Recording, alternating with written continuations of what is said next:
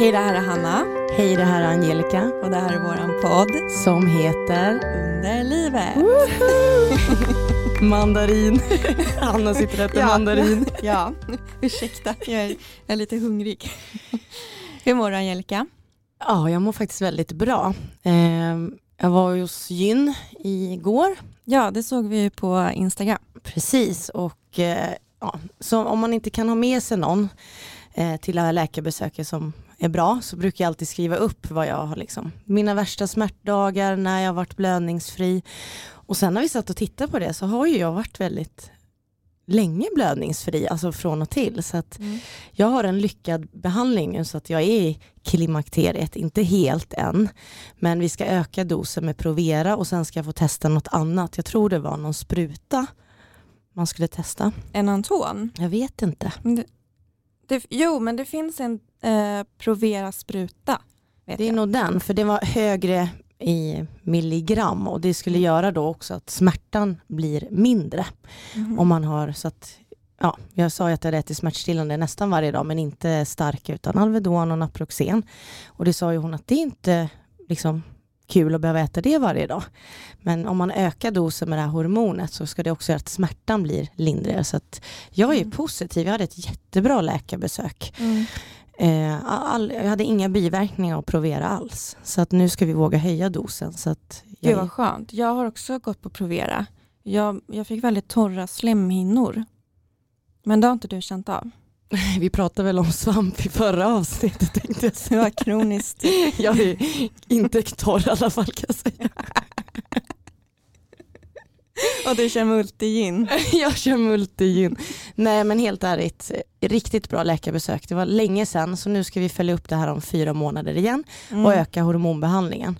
Så jag är jättepositiv och det var inga problem med förnya recept eller alltså allting gick så bra. Och vad har du för behandling nu? Nu är det fortfarande Provera, jag äter klart den där, jag vet inte hur må- många milligram men de ska ju öka den. Hur Eh, många tabletter tar du per dag? Två. Okej. Och så har jag två minipiller eller hormontabletter och sen har jag Mirena spiral och sen smärtstillande. Och jäklar. Så att om man inte är blödningsfri nu, alltså jag äter ju så mycket mer hormoner än vad Ja, men det här är jättemycket hormoner Angelica. Ja, men jag är i ett klimakterie också. Det märks ju då när jag började med Provera och lite andra grejer som jag testade i eh, Borås innan. Hur mycket jag kunde få så svettningar och jag kände verkligen att jag är i klimakteriet nu. Men allt sånt där har släppt. Och, och det är du i, menar du, för att du inte har någon östrogenproduktion? Jag är inte riktigt insatt i det där. Det är bara det att jag blöder ju så himla mycket och det är då jag har som mest smärta. Så man vill göra mig helt blödningsfri. Mm. Men du har säkert bättre koll på det där. Jag vet inte. Ingen har sagt någonting om min östrogen. Nej, Men eh, så länge man mår bra så spelar ju sånt där mindre roll, liksom, hur det fungerar. Huvudsaken är att det fungerar. Mm, Och såklart blev det ett långt utlägg, men så är det. Jag mår väldigt bra, jag har en lyckad behandling nu. Det enda vi ska ta tag i det är muskelkramp och smärta. Så att vi ska se nu om muskelkrampen också blir mindre på grund av att jag ökar hormondosen igen. Ja men det finns ju också något eh, eh, kramplösande man kan få. Hon nämnde inget, men eh, vi ska ju följa upp. Men eh, hon skrev upp att det här måste vi... Vill inte du också gå till fysioterapeuten? Jo, men jag borde göra det. Men jag glömde säga det Mm. nu. Men jag får följa upp det. Men du kan ju skriva det på 1177 att du vill ha en remiss. Ja, det kan jag göra. Eller bara ringa i och för sig. Ja. Ja, nog om mig. Jag mår faktiskt skitbra. Ser fram emot det här avsnittet. Hur mår du? Jag mår bra. Eh, det är inte så mycket nytt sen eh, sist. Jag äter mina smärtstillande, tar mina sprutor, har kommit på att jag snart måste göra en sån där um, bentäthetsmätning. För det var två och ett halvt år sedan jag gjorde det sist. För när man är i kemisk klimakterie som jag är och tar en Anton så en biverkning är att man blir benskör. Så två år in i behandlingen så fick jag göra en sån röntgen som visade sig att det såg jättebra ut. Så nu två och ett halvt år senare så måste jag göra det igen och eh, jag är faktiskt lite orolig för om, om det visar sig att jag börjar bli benskör då måste jag sluta med den behandlingen och det är jag livrädd för för jag märker ju hur dåligt jag mår om jag bara inte har tagit sprutan när det liksom är dags för att ta nästa spruta. Det här pratar ju hon faktiskt också om. Jag vet ju inte vad det är för spruta jag ska börja ta, men du har ju den där Enaton. Ja, jag har Enaton, men jag tror att, att din spruta är proverad på. Okej. Okay. Nej men just det med benskär, det är ju jätteviktigt att ha koll på. Så att, eh, alltså det påverkar ju hållningen och allting. Men mm. hur ofta har du gjort de här kollarna då? Jag har bara gjort en. Sen du började med det här? Ja, 2016. Oj, du måste göra. I know. Egentligen ska man ju inte gå på dem, eller det står i, i mm, den här äh, bipacksedeln eh, att man ska, man får bara gå på det här i ett halvår. Och det är män med prostatacancer och kvinnor med endometrios som, mm, som tar de här sprutorna. Och man får bara ta dem i sex månader, sen måste man göra ett uppehåll eftersom att kroppen påverkas så mycket. Men jag har tagit dem konstant sedan 2016. Men gud, du måste kolla upp det här. Jag vet. Nu pressar jag dig. Kolla upp det här redan på måndag nu. Så att du får någon tid. Ja. Okej. Okay. okay. ja. ja. Eh, men eh, vi har två gäster med oss idag. Två gäster. Det är första gången vi har fyllt rummet va? Ja, det är fullt bord här.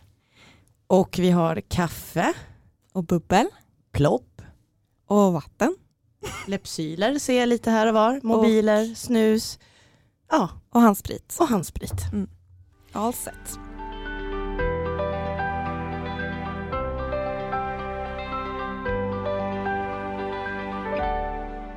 Så dagens avsnitt har vi med oss de kallade socionomerna. Eh, och vi tänker väl att de får presentera sig själva.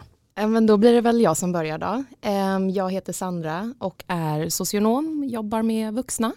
Eh, och jag heter Linda och jag är också socionom. Jag jobbar med barn och familjer. Eh, jag jobbar egentligen inte med samtyckesfrågan så mycket, men eh, jag är intresserad av relationer och samspel. Ja, för du sa något där, samtycke. För det är precis det som vi kommer rikta in oss på idag, samtyckeslagen. Och eh, Angelica har sagt till mig att ni är två experter på samtyckeslagen. Ja, det vet jag inte om man ska säga experter. Det var kanske att man har fastnat lite ibland för vissa frågor och bara läst in sig lite på skulle jag säga. Så det är verkligen ingen expert skulle jag säga, men bara väldigt spännande.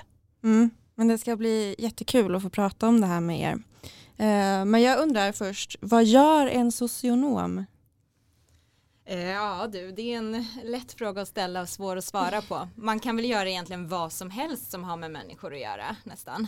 Ja, ja, det var väldigt bra förklarat faktiskt. Det är ett väldigt luddigt yrke, men människor är väl centralt egentligen. Mm, och människor i svåra situationer. Man kan jobba på socialtjänsten som kurator, på sjukhus, på skola, eh, med barn, vuxna, äldre, personer med funktionsnedsättningar. Jag har även hört att vissa socionomer lägger till lite grejer och kanske jobbar inom HR, personalvetning och sånt där. Jag eh, har inte träffat någon sån, men har hört talas om det i alla fall. Många pluggar vidare, blir terapeuter och sådana saker också. Ja, precis. Det låter jättebrett. Men det viktigaste är ju människorna man jobbar med. Men hur kommer det sig att ni valde att jobba med det här då? Om jag börjar med dig Sandra. Ja, nej men jag har väl alltid tyckt att människor är mer intressant än papper och siffror kanske. Um, flumämnena i skolan var roligare. Sen hade jag en fantastisk kurator på en ungdomsmottagning som jag gick hos. Och eh, han var väl typ en av de ballaste personerna som jag träffat. Och eh, då tänkte jag väl såklart att han vill jag bli som. Så då ja, blev det väl att söka sig till att bli, jobba lite som han. Så det har väl alltid varit en fundering på att ja, men, jobba på en ungdomsmottagning eller ja, lite så. Ja, vad kul Sandra, för mig är det helt tvärtom. Jag hade ingen sån där kurator eller någon sån vuxen som jag kunde vända mig till. Så jag kände nej, en sån vuxen vill jag bli. En sån som de kan prata med och ja, men vända sig till. Eh, så min historia är helt tvärtom. Vad intressant egentligen. Det ju, finns ju verkligen en alltså, riktigt salig blandning av socionomer. Det märkte man ju på utbildningen, arbetsplatserna eh, och det är väl det som gör att det blir så himla roligt också. Egentligen att det är så pass olika och alla människor och, som man jobbar med och alla människor man jobbar för är så olika. Så det är verkligen variation. Så om man gillar variation och människor så är det ett bra yrke.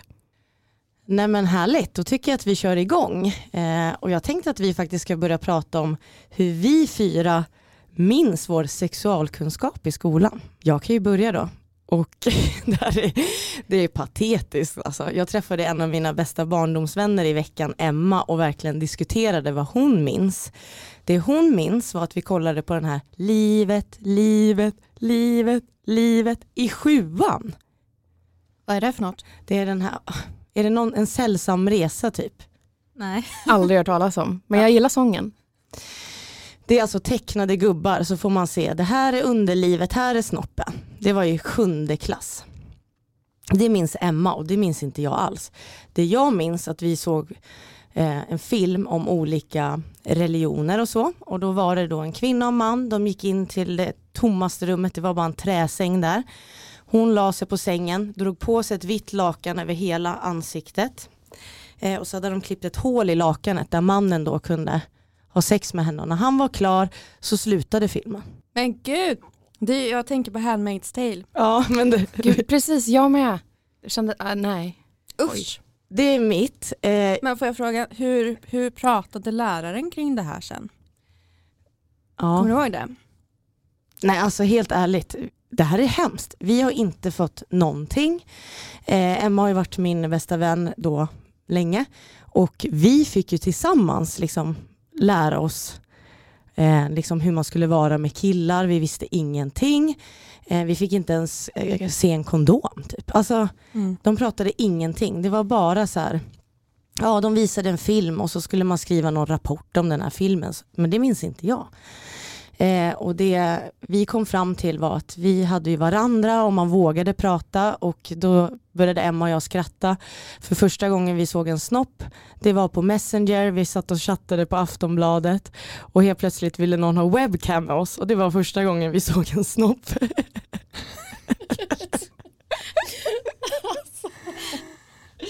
alltså, Alltså var det en, hur gamla var ni då? vi gick i sjuan. Och hur gammal var snoppen? Den var gammal. Du vet, så att eh, vi satt där bredvid varandra med webcam som man pratade med folk och så satte han på sin webcam och så kom det bara en stor snopp och vi bara visste inte hur man skulle stänga av datan, fick panik där. Uh, Det låter inte som en trevlig upplevelse. Nej, så jag kan säga så här, jag behöver inte ens prata länge om det här. Vi hade skitdålig sexualkunskap, vet ingenting. Det enda jag minns är att vi faktiskt fick gå till ungdomsmottagning, men jag vet inte när. Och då stod vi tjejer i kö för att få äta p-piller, för det var det de sa. Just det, det här har du pratat om i podden tidigare. Så att alla stod på kö då och skulle börja äta p-piller 14 år, även fast folk inte blir- ens hade förhållande. Liksom. Nej, då blir det ju lite grupptryck typ som att så här, ja men vem har förlorat oskulden och vem har inte det? Jag minns att vi också besökte ungdomsmottagningen och då var det så här, ja, vem vill prova att ligga i gynstolen? Framför alla liksom. jag vet inte, det var där skulle, alltså det är sådana sjuka grejer egentligen. Men tar du över nu, för våran var i alla fall, det var ingen bra alls. Så jag, jag, jag var inte redo inför att möta män, alltså om man säger så. Man hade ju Nej. velat ha lite mer, ja men kanske prata om kondom, könssjukdomar, ingenting fick vi. Så Mm. att, hur var din Hanna då? Nej, men jag minns eh, i mellanstadiet att vi fick eh, hälla vätskor i olika bindor. Typ den och då var det så uppdelat tjejer och killar. Men jag tänker på det här eh, Angelica, att det låter som att de hade ett väldigt så heteronormativt tänk på det. Att det hela tiden, ja. Det var bara det. ja. Om det, var, det är också en grej, det glömde jag säga. Det var inget, inget att eh, två kvinnor kunde älska varandra. Det var, om man tänkte den här filmen med det där lakanet. ja. Vad är det för kvinnosyn också? Ska Ja. tjejen sig under lakanet? Skulle jag då göra det första gången jag blev av med oskulden? Lägga mig under ett lakan? Var det det de ville få ut av det här ja, då? precis. Och så gör killen det han vill tills han är färdig och då är det slut. Alltså det känns som jag menar, att det kanske är lite den bilden som man har som ung. liksom. Men, ja, men det är min erfarenhet i alla fall. Bindorna, ni hällde vätskor i bindor. Ja, Men precis. killarna också? Jag vet inte vad de fick göra. Ingen aning. Kanske trä på kondom på en gurka eller något. Men är det här det enda du också har? Du, alltså, ja. Ja, det är det. och då går vi vidare. Linda, vad minns du? Nej, men jag tycker det här är spännande för jag funderar på det för jag har också minnen av den här menslektionen men jag undrar också vad gjorde killarna då? För mens har inget med sex att göra. Mm. Men det har varit väldigt mycket fokus på mens i den sexualundervisningen jag har fått. Jag kommer ihåg de här stora Tampax-tampongerna som sitter i en så här hylsa. Det var som en raket som man skulle skjuta iväg. Så här. Alla blev livrädda för när man skulle börja eh, använda en så här tampong som såg ut så. Men det, det var ju ingen som gjorde det. Jag vet inte ens var de fanns i affären. Eh, men jag kommer ihåg efteråt att alla bara, är det så här det ska vara? Men, eh, men sen har vi haft också sexualundervisning i högstadiet. Eh, och då kommer jag ihåg att vi delade upp oss, tjejer och killar, och fick skriva frågor till varandra. Men det blir ju också samma sak, det handlar väldigt sällan om liksom tjejer, eh, om våran lust, utan det handlar mer om ja, men just det här liksom vanliga samlaget. Eh, och jag tänker liksom bara säga, det finns knappt något ord. Nu, nu säger man snippan. Vad, vad sa man när vi var små? Vi hade inte ens ett ord liksom för det kvinnliga könet som var liksom vedertaget. Gud vad sjukt, det har inte jag tänkt på. Och jättemånga ord för det manliga. Ja, verkligen. Och här, det var framskärten och det var musen. Och, Framskärt. Ja, det var det. Det var nog det vi hade. ja, men jag tycker ändå att jag tycker vi hade jättedålig sexualundervisning. Men nu när jag hör er så tänker jag att den var väl bättre kanske då, än vad ni hade. Men minns du att du kände så även då? Eller min, kan du minnas hur du som elev och ungdom tog emot det? Nej, jag kommer ihåg att jag tyckte det var spännande för att det var väl ingen som pratade om sånt här. Men sen i efterhand märkte jag att det var helt otillräckligt. De här tampongerna och ställa frågor till killarna och de, vad hade de för kunskap som de ville fråga oss tjejer om? Det var ju bara flams liksom. Det var ju verkligen, nej, helt otillräckligt. Mm. Vem var det som höll i ämnet? Um, I mellanstadiet var det skolsköterskan och sen var det våran svenska SO-lärare i Ja. högstadiet. Jag skrattar, förlåt att jag avbröt. Men det är det, de, här, det känns ju som att lärarna också blir tvingade till att ha den här lektionen. Det är ju inga som kanske vill. Eh, nej men jag håller med Angelica, jag kommer ihåg i högstadiet, då var det faktiskt träslöjdsläraren som var min mentor. Eh, och då hade vi livskunskap, jag vet inte om det var en gång i veckan eller om det kanske var en gång i månaden, men det var i alla fall han som skulle lära oss att trä på en kondom på en banan. Herregud. Han trodde ju knappast att när han blev träslöjdslärare skulle det ingå att trä på kondomer på bananer. jag, nej, jag tror inte det var det han tänkte sig när han pluggade. Alltså gud förlåt, Angelica det ser så roligt ut när du skrattar. Nej, det, man, ska inte, man ska inte skratta åt det här men alltså, ni måste förstå att det här är så sjukt när man får höra vad... Ja men det är så absurt så man kan ju nästan inte göra annat än att skratta åt det men det är ju superallvarligt. Kommer ni ihåg han, ehm, ingen kan spela fotboll som han, vad heter han? Frans, Frans! Just det. Han, jag läste en intervju med honom och efter att han var med i Melodifestivalen och allt det här så syntes ju inte han så mycket i rampljuset. Han jobbade faktiskt som lärarvikarie. Och i den här intervjun då så eh, berättade han att han hade fått gå in och ta just sex och samlevnads, eh, en sex och samlevnadslektion. Eh och han visste liksom inte vad han skulle göra överhuvudtaget. Och jag som pluggar till lärare nu, jag pluggar ju mot högstadiet och gymnasiet. Och jag har ingen koll på hur det ser ut mot de lägre åldrarna. Men vi har inte gått igenom det här överhuvudtaget. Det har aldrig nämnts under de här fem åren som jag har pluggat. Och nu är vi ute på praktik och en av dem som jag pluggar med, gissa vad hon ska få göra?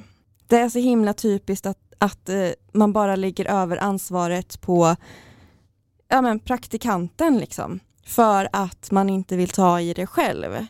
Och jag förstår inte va- varför det ska vara så jävla svårt eller varf- varför man liksom inte tar hjälp av någon annan utomstående. RFSU eller... Förlåt, nu avbröt jag dig. Ja men det är lugnt, jag, bara, jag brinner lite för det känner jag. Ja, men det är Ehm, jättebra men jag håller med. Ta in någon som verkligen kan och vill informera. Och det är så, här, det är så jävla viktigt med de här kursplanerna hela tiden. Vad fan finns det för kursplan på det här? Det måste ändå vara att någon typ av information har nått fram och tydligen så har det inte gjort det till all, någon av oss tre som har hunnit prata om det här än i alla fall. Ja men Sandra, vad är dina erfarenheter? Ja, alltså de är ju inte så mycket bättre än era kan jag ju säga. Alltså det är ju, ja jag minns ju inte om det fanns något tidigare än högstadiet i alla fall. Jag vet inte om det är mer sorgligt eller om det är, ja vad man nu ska kalla det. Men att eh, den erfarenheten jag hade var att vi satt allihopa i aulan, en eh, rätt så nyexad ung NO-lärare var väldigt, väldigt nervös, väldigt nervös, väldigt röd i ansiktet när han skulle prata om olika könssjukdomar. Jag tror att han försökte komma på hur han skulle förklara vad de olika könsorganen kanske kunde heta. Ehm, men då är det ju också att eh, det är väl naturligt för tonåringar kanske att inte ta saker och ting seriöst, att det blir flamsigt.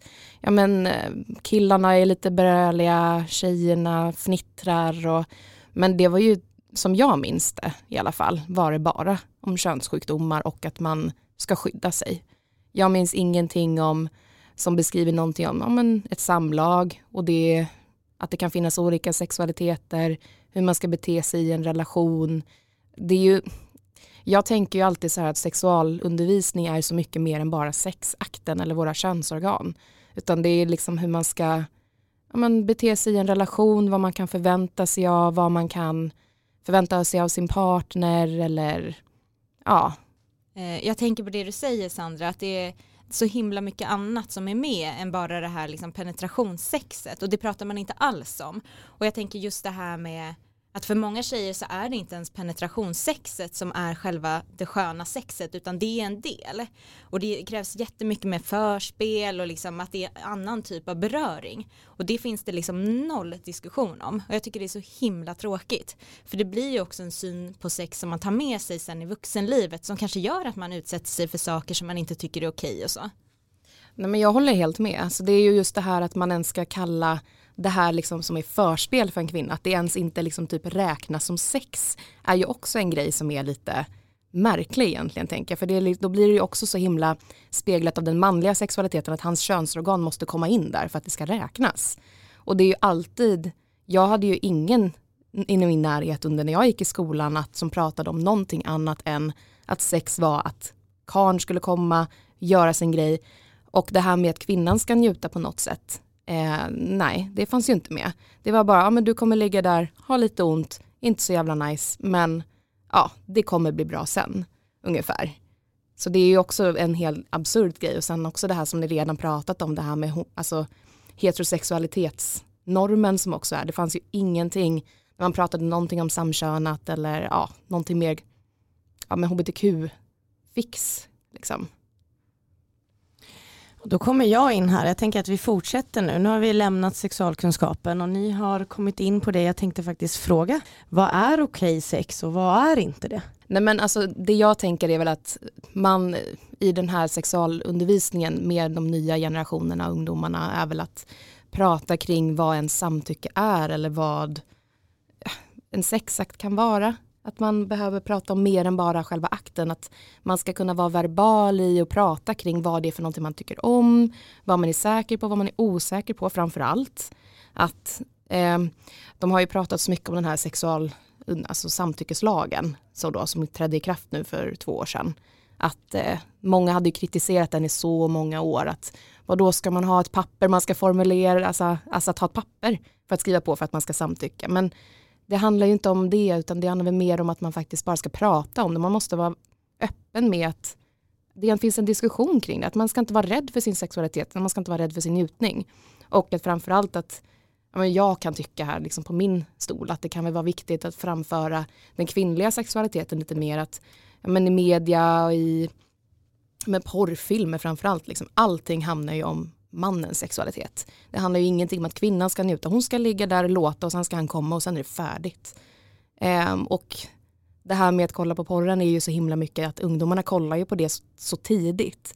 Och ja, men det kanske inte är alla föräldrar som pratar med sina barn om hur det är eller att det tas upp i sexualundervisningen har vi ju redan konstaterat att ja men förr i alla fall när vi gick i skolan, vilket inte är så himla länge sedan egentligen, att det gjordes ju inte.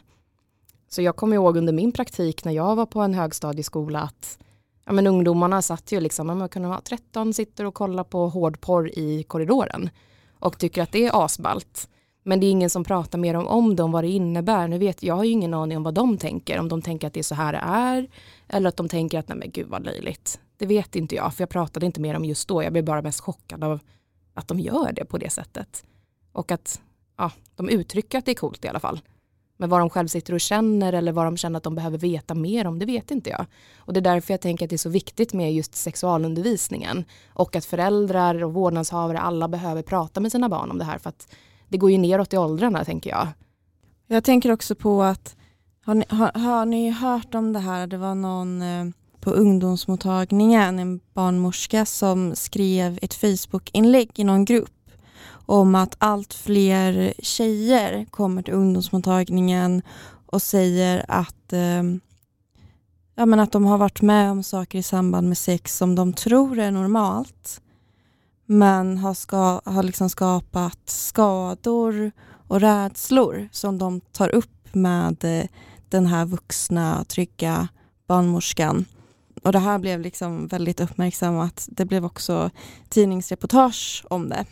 Det är då väldigt, väldigt vanligt eh, förekommande att tjejer, unga tjejer går med på strypsex, mycket så trycka på magen för att då ska det på något sätt eh, bli skönare. Eh, la la la liksom. Allt möjligt. Tjejen är där för killen och att det är ett jättestort problem och killarna gör så som de har sett att man ska eller att man har gjort i porren. Ja men exakt, det är ju det också att det är ju så himla mycket lättare med internet att komma in på porren och sånt där och det kan ju men skapa lite, alltså ganska mycket förvirringar för unga personer som inte pratar om vad de ser för någonting. Förhoppningsvis är det väl fler än vad man kan tro som ändå ser att ah, men det där ser ju helt sjukt ut. Men det är ju svårt för, för oss att sitta och säga här som gamla nuckor jämfört med de här ungarna.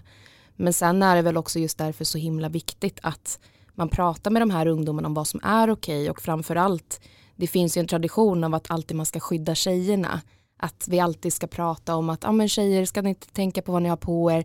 Tänk på att hålla er borta från det här. Alla de här förmaningarna om att man ska vara försiktig. Och det är ju egentligen, ja visst det är väl bra att alla ska ju vara försiktiga generellt för saker och ting. Men varf, man behöver ju prata mer med, ja, men i så fall om vi tänker heteronormen här nu då. Eh, att prata mer med pojkarna, unga killarna helt enkelt. För att se hur de tänker på sin roll i det hela. För det, när jag hade den här praktiken på högstadieskolan så var det ju en snubbe som jag tror var från Fatta man om inte jag minns fel. Som gick in på skolan ja, men lite regelbundet och pratade med killarna om vad de tänkte kring ja, men relationer och sex och alla de här sakerna. Just för att prata med dem om att de själva har ett ansvar. Tjejerna ska inte behöva skydda sig, du ska inte behöva tänka på vad du har på dig. Utan det handlar ju om att du ska bemöta alla personer med respekt. Och det gäller ju även i de här sexuella omständigheterna. Och det är väl därför jag tänker att det är bra med den här samtyckeslagen överlag, att man verkligen så här, ja men det kommer in från lagen till samhällsnormerna. Att man behöver prata mer om det och då självklart ner i sexualundervisningen som vi pratat om tidigare. Det är jätte, jätteviktigt, i alla fall vad jag känner utifrån vad jag har varit med om och så. Mm. Eh, och jag tänker också så att det är jätteviktigt att liksom lagen tar ställning till att det är viktigt att båda är med på det här. Men jag tänker att det är liksom mer problematiskt än så. För det är liksom om man kollar på manligt och kvinnligt. En kille som har mycket sex, han är kungen, han bara åh jäklar du får så mycket brudar. En tjej som har mycket sex, hon är direkt horan. Den här tjejen kan man inte ligga med, hon är äcklig, hon är smutsig. Så det här kommer ju väldigt tidigt. Så jag förstår också det här med att tjejers njutning eller så, man, man vågar inte ta plats. Man vågar inte prata om det här öppet. För det är ingenting någonting som är okej. Okay. Utan det finns så himla mycket ideal att sex är för mannen. Det är han som får ha mycket sex. Medan tjejen ska vara mer återhållsam, gärna ha en partner. Men killen får ha sex med många som helst. Jag tycker att det blir väldigt motsägelsefullt. Och jag tycker att vi tar det här på alldeles för liksom, litet allvar. Att det är så. Nej men jag håller helt med. Det är precis på det sättet. Och det är det som jag tänkte när jag ja, men snöade in mig lite grann på Fatta-organisationen där för ett par år sedan, och, som jag fortfarande gör. Men är ju just det här att allt annat än ett ja är ett nej. Och det är verkligen så det är, att man behöver ju ja, prata om det på det sättet. Och sen tänker jag att det är väldigt komplicerat det här med vad är ett ja och vad är ett nej. Det här kanske är en partner som du väljer att leva med. Betyder det då att du har sagt ja till sex? Nej, det gör det ju självklart inte. Men det kan vara svårt. Bara för att du ville ligga igår betyder det att det är jag att ligga idag igen. Eh, det blir ju liksom, även om det låter så himla bra att nu finns det en samtyckeslag. Säger man inte ja, ja men då är det ett nej. Man ska inte behöva säga nej. Men det är väldigt svåra liksom bedömnings, ja, men bedömningsfrågor. När är det ja och när är det nej? Och hur tydligt behöver man visa det? Ja men exakt, alltså det, det är det jag tänker är med den här lagen är att alltså, det är ju det här att hur enkelt är att visa på vad som är vad. Men det är också just det här, eller men, men det är ju att just det här att man behöver prata om det generellt sett, att just att det här, den här diskussionen behöver väckas så att folk är bekväma med att prata överlag öppet om det här. För jag tänker ju själv när jag som person kanske är väldigt öppen med att prata om mig och mina sexuella erfarenheter eller vad jag tänker om frågan, för det är någonting som jag tycker är intressant. Medan, och då kan, jag har fått höra flera gånger att jag kanske kan vara pervers eller något sånt där utifrån att jag bara lyfter frågan. Bara för att jag kan njuta av sex, jag kan liksom säga vad jag tycker och tänker. Men det betyder inte att jag är pervers, det betyder mer att jag är verbal. Och det tycker jag är ganska konstigt, som ni har pratat om tidigare idag, att det här med ja, men att tjejen är horan, tjejen är slampan medan king, killen är kingen. Alltså det säger ju ganska mycket om det. Att bara för att man är verbal i det så betyder det att man får en stämpel på sig. Och det är den stämpeln som behöver få bort för att man behöver kunna prata generellt om det. För då blir det också mer tydligt förhoppningsvis på sikt att vad som är okej och inte. Att man är mer bekväm i sig att prata öppet. Eh, jag tänker ju nu när vi är inne på det här och lyssnarna vill väl också veta som jag och Hanna, vad säger egentligen samtyckeslagen om det här? Alltså kan ni hjälpa oss lite, när kom den och liksom, vad gäller för att det ska räknas som en våldtäkt och lite sånt där? Ja, jag antar att jag tar den bollen. Ehm, det är lite svårt. Jag satt och försökte läsa lite på det här häromdagen och eh, exakt, jag kan nog inte säga exakt vad det är som gäller för en våldtäkt. Jag är ju inte jurist, jag är socionom som bara tycker det här är intressant. Det är inte alls mitt område, men skillnaden från den gamla eh, lagen om sexualbrott och den nya är väl framförallt att eh, våldtäkt var väl mer förr, att det var mer misshandel, våld, hot om brottslig gärning, eh, att man utnyttjar någon alltså särskilt utsatt situation och det fanns lite exempel på det till exempel. Medan den nya lagen är väl mer att eh, det bygger på avsaknad av frivillighet istället för förekomst av våld, hot om våld eller särskilt utsatt situation. Eh, nu sitter jag här med ett papp, fuskpapper framför mig här men eh, just det här med alla exempel som tidigare var mer som kriterier har nu flyttat till den här samtyckeslagen mer som exempel på hur det kan vara med utsatt situation eller liknande. Men det är inte det som är den fällande delen utan det är mer att bevisbördan har gått från Ja, men nu utgår det från heteronormen igen då, bara för att det är lättast. Men kan man säga då att eh, det är lättare att väcka åtal idag mot vad det var innan samtyckeslagen kom? Ja, det verkar lite som det. Alltså när jag kollar lite lätt på statistiken så är det ju att det har ju ökat med anmälningar och fällande domar från 2017 till 2019. Ehm, jag såg någon procent att det var 21 procent i antal ökade anmälningar när det gällde våldtäkt. Ehm, med fällande domar fanns det ingen statistik på så långt jag kunde se. Men det kan ju också vara massa samhälleliga eh, faktorer som metoo och andra saker och ting som har hänt mm. då. Att Um, för det är också en, alltså sådana här saker som händer i samhället väcker ju också väldigt mycket eh, tankar hos alla medborgare och sen generellt sett så har ju Sverige ganska hög statistik när det gäller anmälningar om våldtäkt även om det är ett jättestort mörkertal. Um, om man jämför med många andra länder så har man fått höra någon eh, person som kommer från något annat land någon gång som har frågat kring den här biten och säger att ah, men ni har så himla mycket våldtäkter i Sverige. Nej, det handlar inte om det utan det handlar om att vi anmäler mer för att det är inte den här överfallsvåldtäkten som är kanske normen i ett annat samhälle som det är här. Här är det mer liksom att det handlar om att vi säger nej och då spelar det ingen roll vem du säger nej till.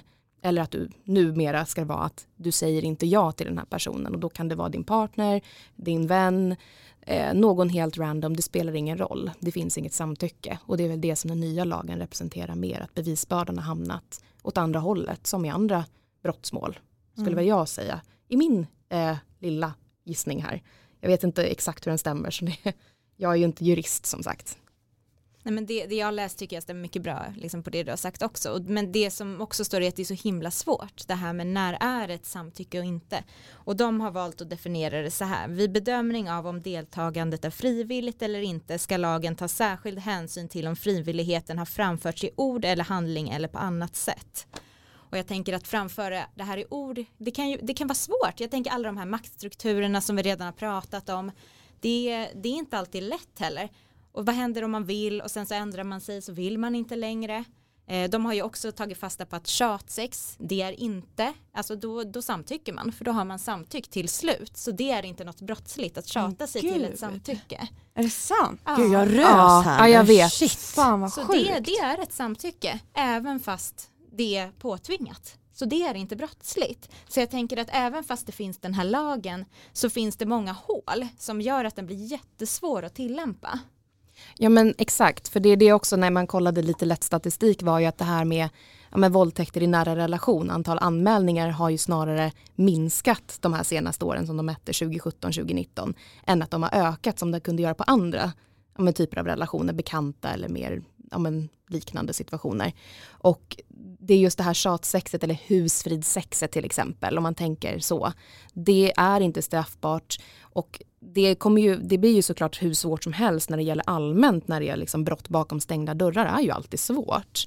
Sen är det väl just det här att jag förhoppningsvis så kommer väl den här lagen vara lite normativ och komma in i att folk kanske tänker mer på det här med liksom tjatsex, husfridsex. Nej det är inte straffbart men det är ju banne mig inte okej. Precis, verkligen. Jag tänker det här är ju bara en symbolik, liksom vad som är inte okej. Men sen finns det ju massa andra saker som faktiskt inte är brottsligt men som ändå inte är okej. Eh, och jag tänker det är säkert jättemånga unga tjejer som lyssnar på det här och det är så himla Alltså det är fruktansvärt att man ska liksom gå efter lagboken. För det betyder inte att står det inte i lagboken så är det okej. Utan det finns så mycket liksom hålrum och gränsdragningar som, är, alltså som man har behövt ha för att kunna straffa personer. Men det betyder ju inte att allting utanför det är okej. Så det är, jag tänker det är jätteviktigt. Jag tänker det är jättekomplicerat till exempel. Man kanske träffar någon på krogen, man är lite berusad, man går hem tillsammans, man är sugen. Han kanske tar av sig kläderna och så är han liksom ofräsch. Samtycket har funnits, nu sitter man där i hans säng. Vad gör man då? Det är liksom då det blir jättesvårt att bedöma. Han skulle säga men hon var med, vi har hånglat hela kvällen, hon vill hem. Men sen när man sitter där i stundens hetta så kanske det framkommer något som gör att man inte alls är med längre. Och det blir så himla svårt. Och hur säger man nej till det då? Nej men exakt, alltså det är ju det och sen är det ju att säga nej är ju svårt överlag. Alltså just att bara vara, liksom man var med i början eller man har inte varit med men man vågar inte säga nej. Och att det är det det alltid har handlat om, att man ska alltid behöva säga nej men det är ju det att man behöver vända diskussionen, både lagen och i samhället överlag att det handlar om att säga ja. För går du in i ett rum då är ju väl, och det är 30 pers där, då kan du ju säga så att normen är ju nej, du vill inte ligga med alla de här 30 personerna. Utan det är ju snarare att ja, men det kanske är en eller inte ens någon. Och då är det ju det att man ska utgå ifrån, alltså bara att nej, jag vill inte. Då måste man ju verkligen försäkra, försäkra sig om att det är ett ja och det är ett ansvar som båda parterna, eller flera, alla parter har. Att avse det på något sätt. Men eh, helt ärligt så vet jag inte hur man ska liksom kolla av det. Det är ju väldigt individuellt för situationen och det blir ju svårt för oss att sitta och svara på. Men det är ju verkligen en diskussion som är otroligt viktig för människor att börja tänka kring. Eh, och det är väl det som förhoppningsvis att personer som lyssnar idag, att ni kan liksom börja ja, men fundera för er själva, prata med någon som ni känner er bekväma med, att bara diskutera frågan kring vad själv tycker jag är okej och inte och när blir det svårt för mig och, och så vidare. För det är ju så svårt. Man är ju i en speciell situation, man är ju mer sårbar när man står där ja, men utan kläder på något sätt. Alltså det finns ju ingen mer sårbar situation kan man ju tycka på många sätt. Ja verkligen och liksom, man ska vara vän med sin kropp hela sitt liv och gör man då saker där man går över gränsen flera gånger så är det lätt att man inte blir så bra kompis till slut med kroppen och att man inte, alltså man inte kan se sex på ett bra sätt. Eh, så det är väldigt viktigt, tänker jag, alltså om man bara tar bort allt det här med brott och straff utan att man tänker mer på sina egna gränser och ja, men om jag sitter i en situation där jag känner att nej men nu har jag gått, nu håller jag på att gå över min gräns, vad jag, hur kan jag göra då för att ta mig ur den här situationen? Och att säga nej är inte alltid liksom ett alternativ för många och det är ingenting som någon ska liksom skuldbeläggas för utan det är så det ser ut, att man kan inte alltid säga nej. Det kan vara massa hinder för det. Men det kan vara bra att börja tänka på vad, vad ska man göra för att ta sig vidare? Gud, Hanna, vad känner du? Jag sitter helt tyst här. Alltså jag lär mig så mycket och lyssna på vad de här tjejerna säger. Det är så viktig fråga vi pratar om idag. Men vi var inne lite på det där. Eh, jag tror det var Sandra som gick in lite på metoo. Vad tycker vi om metoo? Tycker ni att det blev någon förändring? Jag är inte så jätteinsatt i metoo så. Jag tänker att det största värdet med det var att det lyftes alla de här berättelserna. Att många kvinnor fick se och tjejer, unga tjejer också för den delen. Att man inte var ensam utan att det fanns, alltså att det var ett stort problem i samhället. Att många har blivit utsatta. Sen tycker jag också att det blev ganska konstiga konsekvenser.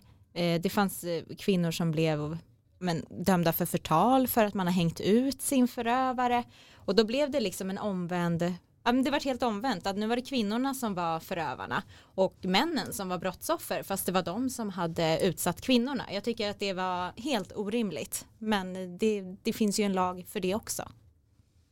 Nej, men jag håller med, jag är inte heller så insatt. Jag kan ju säga att jag faktiskt blev väldigt snurrig av hela karusellen där med metoo men håller med att eh, det är ju en väldigt intressant fråga för att när den kom upp den här metoo-svängen så var det väl mest att ja, man diskuterar med andra tjejkompisar och så vidare att det snarare var att jag tror inte jag stötte på någon kvinna som inte har blivit sexuellt trakasserad på ett eller annat sätt. Och att det är också sorgligt att det händer på arbetsplatserna på, där det ska vara mer formellt och tryggt på den biten. Att det händer på krogen att folk beter sig för att de är berusade och skyller på det, det är ju tyvärr vardagsmat eh, kan man väl säga så. Men ja, att det finns i alla arenor. Det blir så himla tydligt med metoo.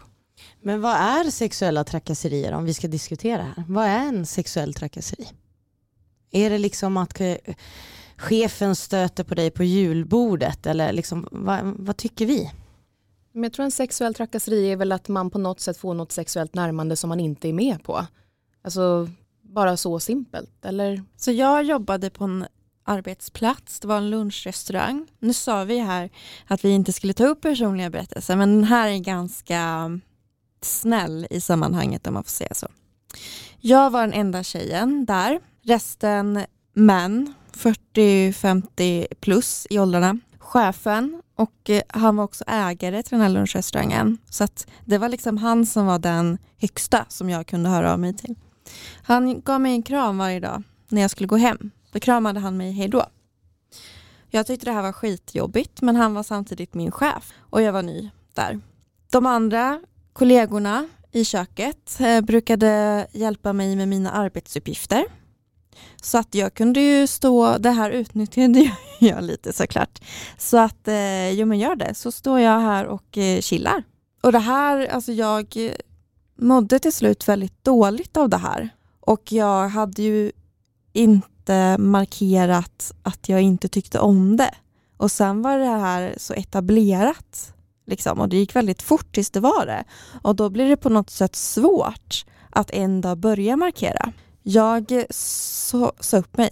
Jag eh, jobbade där i kanske två månader och jag hörde av mig till facket som eh, rekommenderade mig att prata med HR eller högsta chefen men det gick ju inte för att min chef var ju ägare. Så att eh, jag kände att jag fick ingen hjälp där med att hantera det och framförallt så visste jag inte om det här var trakasserier eller inte. Men jag visste att jag mådde jäkligt dåligt av det. Hur skulle ni tolka den här situationen? Det kan ju både vara alltså handlingar, att man gör sexuella närmanden, som du säger kramar, eller att man klappar någon på rumpan, ber om en puss på kinden, att man gör det här. Men det kan ju också vara bara ord, att man säger saker som är stötande. Det kan också vara att man inte rör någon och inte säger något utan att det är blickar. Eh, så det kan vara väldigt mycket som är sexuella trakasserier. Så jag tänker, nu har vi pratat mycket om samtycke och det är ju kopplat till våldtäkt och liksom sexuella handlingar, men det här är ju också saker som verkligen inte är okej. Så det här är ju en annan lagstiftning som har ja, men en annan typ av brott men där det också är ja, men jätteallvarligt. Jag tänker som du, du slutar med att du sa upp dig. Och det är, liksom, det är ofta personer i maktposition som utövar de här trakasserierna. Ja men exakt, för jag tänker nästan att det är alltså, dubbelt upp när det gäller trakasserier. Det blir ju en att du blir utsatt så att de ja, men att din chef gjorde närmanden på saker som du inte kände dig bekväm med. Även om det vare sig det är sexuellt eller inte så är det ju fortfarande att han rörde dig fysiskt. Det kanske inte är någonting som du är bekväm med. Men sen också att den här med beroendeställningen som du beskriver att du kan inte ta upp det högre eller inte. Alltså det är så här, det, ja, men du kan ju inte säga till någonting om det för du kommer kanske vara rädd att bli av med sitt jobb eller det här också som väldigt vanligt med att man får en stämpel som den gnälliga tjejen på arbetsplatsen och, och framförallt om det är en sån här en mansdominerad eh, väl, alltså arbetsplats på det sättet också. Att då finns det en viss jargong och kommer en tjej och säger någonting då, ja då blir hon den gnälliga kärringen där som går och håller på. Så det ju, finns ju så många nivåer i den där situationen och det är någonting som kanske inte, ja, men många kan säga så men varför säger du inte till? Ja, men vad är det för, hur enkelt är det att säga till egentligen?